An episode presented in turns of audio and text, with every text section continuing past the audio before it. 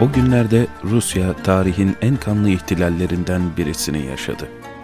Sefil ve sefih halk herkesle ve her şeyle kavgalı insanlarda kurtuluş aramış, kendisini yeni bir girdabın seylabına bırakmıştı. Bazı esirler ihtilalin doğurduğu kargaşadan istifade edip kaçtılar. Seydan'ın kefili olan köylüler de ısrarla onun kaçmasını istiyor fakat bir türlü onu ikna edemiyor, anlayamıyorlardı. Onun adımlarını kendiliğinden atmadığını, sevke tabi olduğunu bilmiyorlardı. Bir gün Seyda'nın da aklına firar etmek geldi. O günlerde oralarda ortaya çıkan cami imamı sanki kalbini okudu. Said, vazgeç o düşünceden dedi. Kimdi bu imam ve nasıl bir adamdı? İşte ruhunda fırtınaların koptuğu, dost dost diye inlediği, en yakınına halini hazin yakarışlarla arz ettiği, rüyasında yeğenini gördüğü o gecenin sabahında izin çıktı. Duası rahmeti ihtizaza getirmiş, gaybi bir el elinden tutmuştu. Ya Rabbi sen bilirsin, bana bir kapı aç diye dua ediyordu ki, aynı imam geldi, bu defa geçen gün söylediğinin tam tersini söyledi.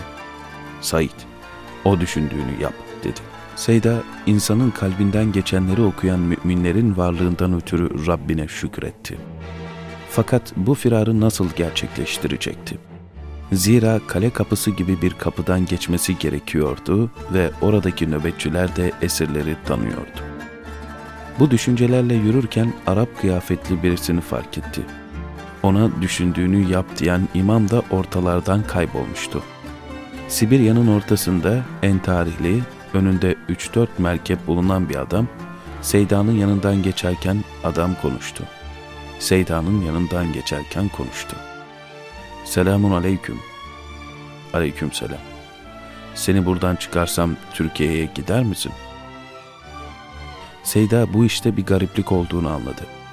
Rabbinin fevkaladeden bir icraatıyla karşı karşıyaydı.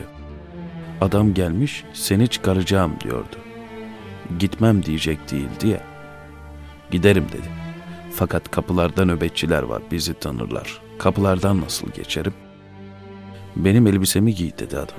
Merkepleri sür. Sen ileriden git. Ben sana yetişirim. Adamın boş olmadığı belliydi.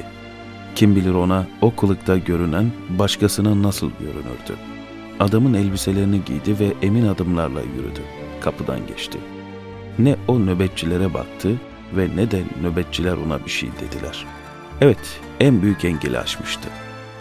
Uzun süre yürüdü. Volga nehrinin kollarından birisine yaklaşmıştı ki binbaşı Ali Haydar Bey ile karşılaştı. O da firar etmişti. Fakat Volga'yı nasıl geçeceğini bilmiyordu. Birlikte nehrin kenarına kadar geldiklerinde hava kararmıştı. Nehir nehir değil, sanki küçük bir denizdi. Kardeşim, gözünü kapa, sakın açma. Bana tutun. Binbaşı Ali Haydar denileni yaptı. Kendisini güvende hissediyordu artık. Fevkalade şeylerin olacağı belliydi. Seyda sanki karada yürüyormuş gibi suya attı adımını. Binbaşı ona uydurdu ayaklarını.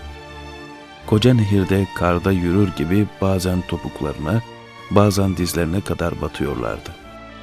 Ali Haydar Bey çok heyecanlanmıştı. Adımlarını nereye attığını, nereye bastığını, ayağının altına neyin geldiğini, kaç adım attıklarını bilemedi. Bir ara açtı gözlerini. Hem kenara geldiklerini sanmış, hem de merak içini kemirmişti. Seyda kızdı. Neden gözünü açtın? Ben sana açma demedim mi? Batmaya başladı. Neyse ki kenara yaklaşmışlardı. Seyda çekti kolundan. Kardeşim Ali Aydar, Cenab-ı Hak Hz. Musa aleyhisselama denizi musahhar ettiği gibi bize de senin yüzün hürmetine Volga nehrini musahhar etti dedi. Ali Haydar'ın şaşkınlığını gidermek için izah yapıyor, yaşanan olağanüstü halden kendisine pay çıkarmıyor, mazhar oldukları ikramı onun masumiyetine veriyordu. Veren Allah'tı, hikmetini kim bilebilir? Kim acizine bakmadan sahiplenebilirdi ki? Binbaşı olanları biliyordu. Nasıl geçip kurtulduğumuzu ben biliyorum ama siz bilirsiniz. Sizin dediğiniz gibi olsun diyebildi. Orada ayrıldılar.